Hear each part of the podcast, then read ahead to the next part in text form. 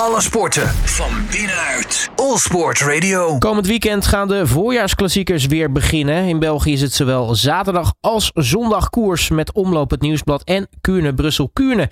In welke bijzonderheden zijn er? Wat eh, kunnen we eigenlijk verwachten van deze eerste koersen? We gaan op vooruitblikken met wielerjournalist Raymond Kerkos van Wielerflits. Raymond, hele goede middag. Goedemiddag. Voor veel uh, wielerliefhebbers is dit toch eigenlijk een beetje toch de, de, officiële start van het seizoen. Ja, natuurlijk, er zijn uh, voor, de, voor de hardliners wel wat, wat, wat mooie koersen eerder geweest. Maar hoe zie jij dit? Is dit, is dit voor jou ook een een echt begin van het seizoen? Ja, het is eigenlijk het begin van het wielrennen in de lage landen, zo noem ik het steeds. En als je eigenlijk de eerste echte klassieker, ja, dat is toch Omloop het Nieuwsblad. En dat is toch een speciale wedstrijd waar je elk jaar naar uitkijkt. En vooral dan ook dat die Vlaamse heuvels weer naar voren komen. Die eerste kasseistroken, ja, dat maakt het wielrennen toch altijd zo mooi. En dan heb je het gevoel van het klassieke voorjaar gaat weer beginnen. En je hebt ook weer het, een beetje het gevoel van de lente gaat eraan komen. Dus heb ik tenminste altijd als Omloop het Nieuwsblad start. Ja, hoe staat het peloton er eigenlijk voor momenteel? Ja, dat is toch best wel moeilijk te zeggen. We hebben een paar renners uh, die in Omloop het Nieuwsblad uh, zien uh, de afgelopen weken in het werk gezien. Met name Wout van Aert heeft een hele sterke indruk gemaakt in de ronde van de Algarve. Wist daar niet het eindklassement te winnen, omdat hij toch een mindere tijdrit had. Dat ging uiteindelijk naar Remco Evenepoel. Maar hij wist daar wel op een hele knappe wijze een rit te winnen. Maar als we bijvoorbeeld naar de rest van Jumbo-Visma, uh, of ik moet zeggen Visma Leasebike, foutje die we de eerste maanden van het seizoen nog altijd blijven maken door die sponsorwisseling. Ja, dat is de te kloppen ploeg. Zeven echt hele sterke renners aan uh, de start. Maar ja, die hebben de afgelopen weken, merendeel van die ploeg heeft uh, op Altijde, op Tenerife, op die berg gezeten en een hoogtestage afgewerkt. Ja, hoe die er precies voor staan, dat is altijd moeilijk in te schatten. Maar we hebben vorig jaar gezien dat Dylan van Baarle ook van die berg afkwam. En meteen met een solo van 38 kilometer die wedstrijd helemaal naar zijn hand wist te zetten. En de overmacht van uh, de Nederlandse ploeg heel subliem uh, af te maken. Ja, Wout van Aert heeft al aangegeven, hè, geen nut om verstoppertje te spelen. Die, die wil gewoon de koers dragen als het kan. Nee, maar als je kijkt met welke renners zij starten, met Christophe Laporte, met Dylan van Balen, met Wout van Aert, met Matteo Jurgensen en zeker de in vorm zijnde Jan Tratnik. Ja, dit is gewoon de te kloppen ploeg. En uh, ja, uh, eigenlijk wordt het heel moeilijk voor de concurrentie om die ploeg te verslaan. Dat, dat is mijn verwachting. Als we het hebben over het parcours hè, van Omloop het Nieuwsblad, wat, wat maakt het altijd zo'n zo'n speciale koers? Nou, het speciaal is toch wel altijd dat het de openingskoers is. Maar de laatste jaren is het parcours van die eerste klassieker veranderd. Ze hebben eigenlijk de finale van de oude ronde van Vlaanderen genomen. En dat betekent in de laatste kilometers de combinatie van de muur van Gerardsbergen en de Bosberg. Ja, en dat maakt die wedstrijd toch wel heel speciaal. Bij mij brengt het altijd weer herinneringen terug van hoe mooi die finales vroeger in de Ronde van Vlaanderen waren. Ja, en nu zie je dat toch wel weer terugkomen. Dat je toch speciaal op die twee bergen uh, de koers echt ziet ontbranden. Bosberg zit op 8 uh, kilometer zoiets van de finish. Ja, dat is een lastige klim. Als je daar weg kunt rijden, dan is uh, de wedstrijd meestal wel beslist. Ja, nu hebben we natuurlijk ook de, de vrouweneditie. wie, wie, wie hebben we daar als, als favoriet? Zijn er toch weer, is het toch weer het hele contingent Nederlanders wat toch altijd nou ja, de laatste jaren boven, boven komt drijven? Ja, eigenlijk kijken we daar weer naar één ploeg vooral. En dat is Team SD Works ProTime. Uh, met wereldkampioenen Lotte Kopecky en met de nummer 1 op de UCI-ranking Demi Vollering. Lotte Kopecky heeft ook net zoals Wout van Aert gezegd van ik ga me niet verstoppen. omloop is een wedstrijd die telt.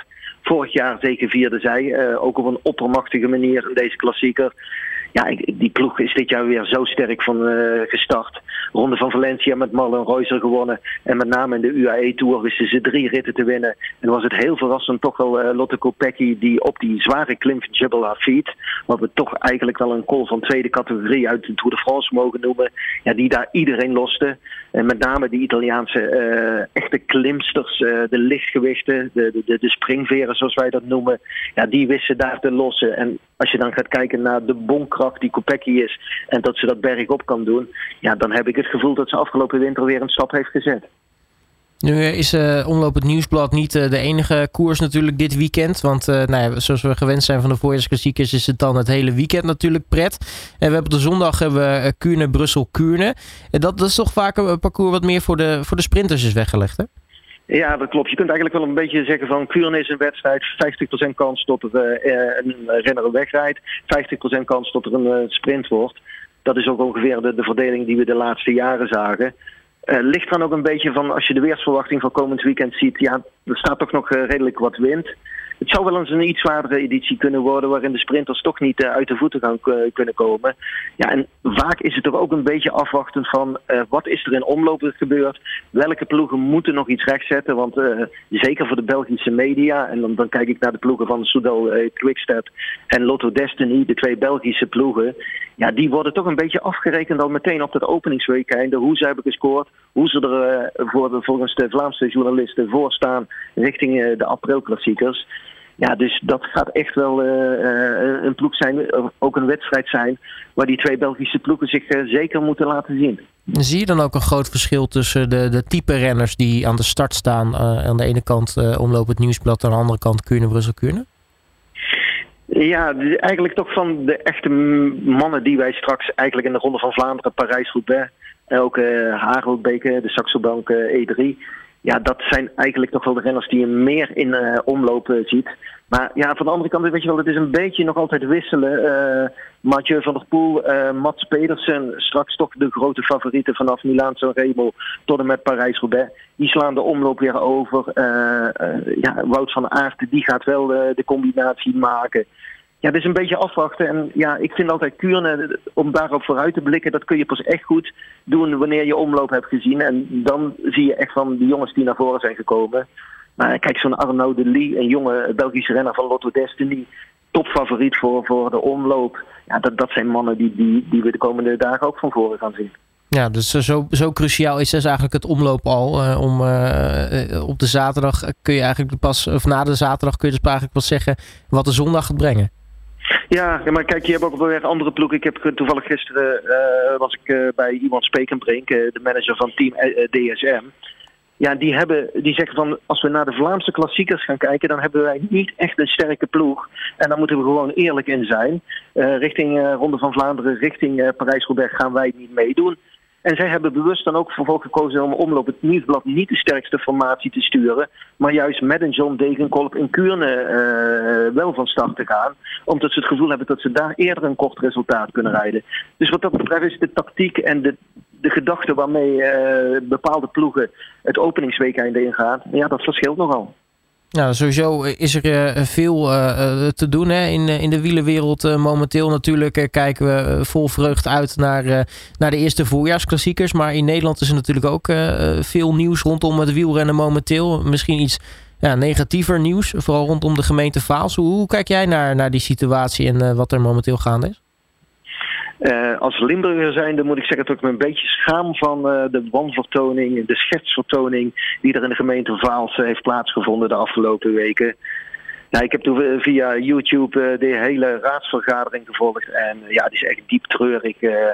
men was niet op de hoogte van de juiste cijfers. Er werden zaken geroepen die totaal niet klopten. Ja, ik, ik begrijp nu inmiddels vanuit alle lobbykanten dat men de situatie wil laten zoals die was, alsof er niks is gebeurd. Maar het is wel erg dat uh, de organisatoren van met name de Amstel Gold Race, maar ook zeker van de Tour Limburgs mooiste, hebben moeten vechten voor een uh, voortbestaan.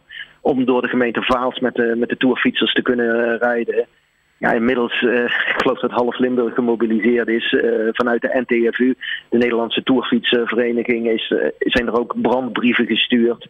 Ja, het heeft heel wat teweeg gebracht wat er in Vaals zich heeft afgespeeld. Ja, en ik denk dat iedereen nu snapt van dit had nooit mogen gebeuren en dit moet de komende jaren ook niet meer gebeuren. Dus dat er echt uh, nu convenanten worden opgesteld, zodat men de komende tien jaar zeker weet dat deze grote uh, evenementen die zoveel goeds brengen, uh, economisch niet vooral voor de gemeente of voor de provincie Limburg, maar ook die een fantastische uitstraling zijn voor de provincie, ja, dat dit niet meer mag voorkomen. Is, eh, is de rust dan nu uh, een beetje wedergekeerd in het Limburgse? Ja, uh, het moet nog allemaal officieel bekrachtigd worden. Maar ja, je hoort allemaal geluiden als je een beetje je oor te luisteren legt bij diverse politici. Van, dat, dat dit teruggedraaid gaat worden. Gewoon naar de, de situatie zoals het was. Zodat Limburgs mooiste en de tourversie Amsterdam Gold Race straks gewoon tot 10.000 deelnemers ook over kunnen sturen over de wegen. Dus wat dat betreft denk ik wel dat zo langzamerhand de rust weer terugkeert. Nou, dat is uh, goed om te horen natuurlijk voor het voorbestaan van die prachtige toertochten. Uh, tot die tijd kunnen we natuurlijk dus genieten komend weekend van die eerste twee voorjaarsklassiekers. Raymond Kerkels van Wielerflits, dankjewel voor je tijd en veel kijkplezier alvast. Graag gedaan. Alle sporten van binnenuit. All Sport Radio.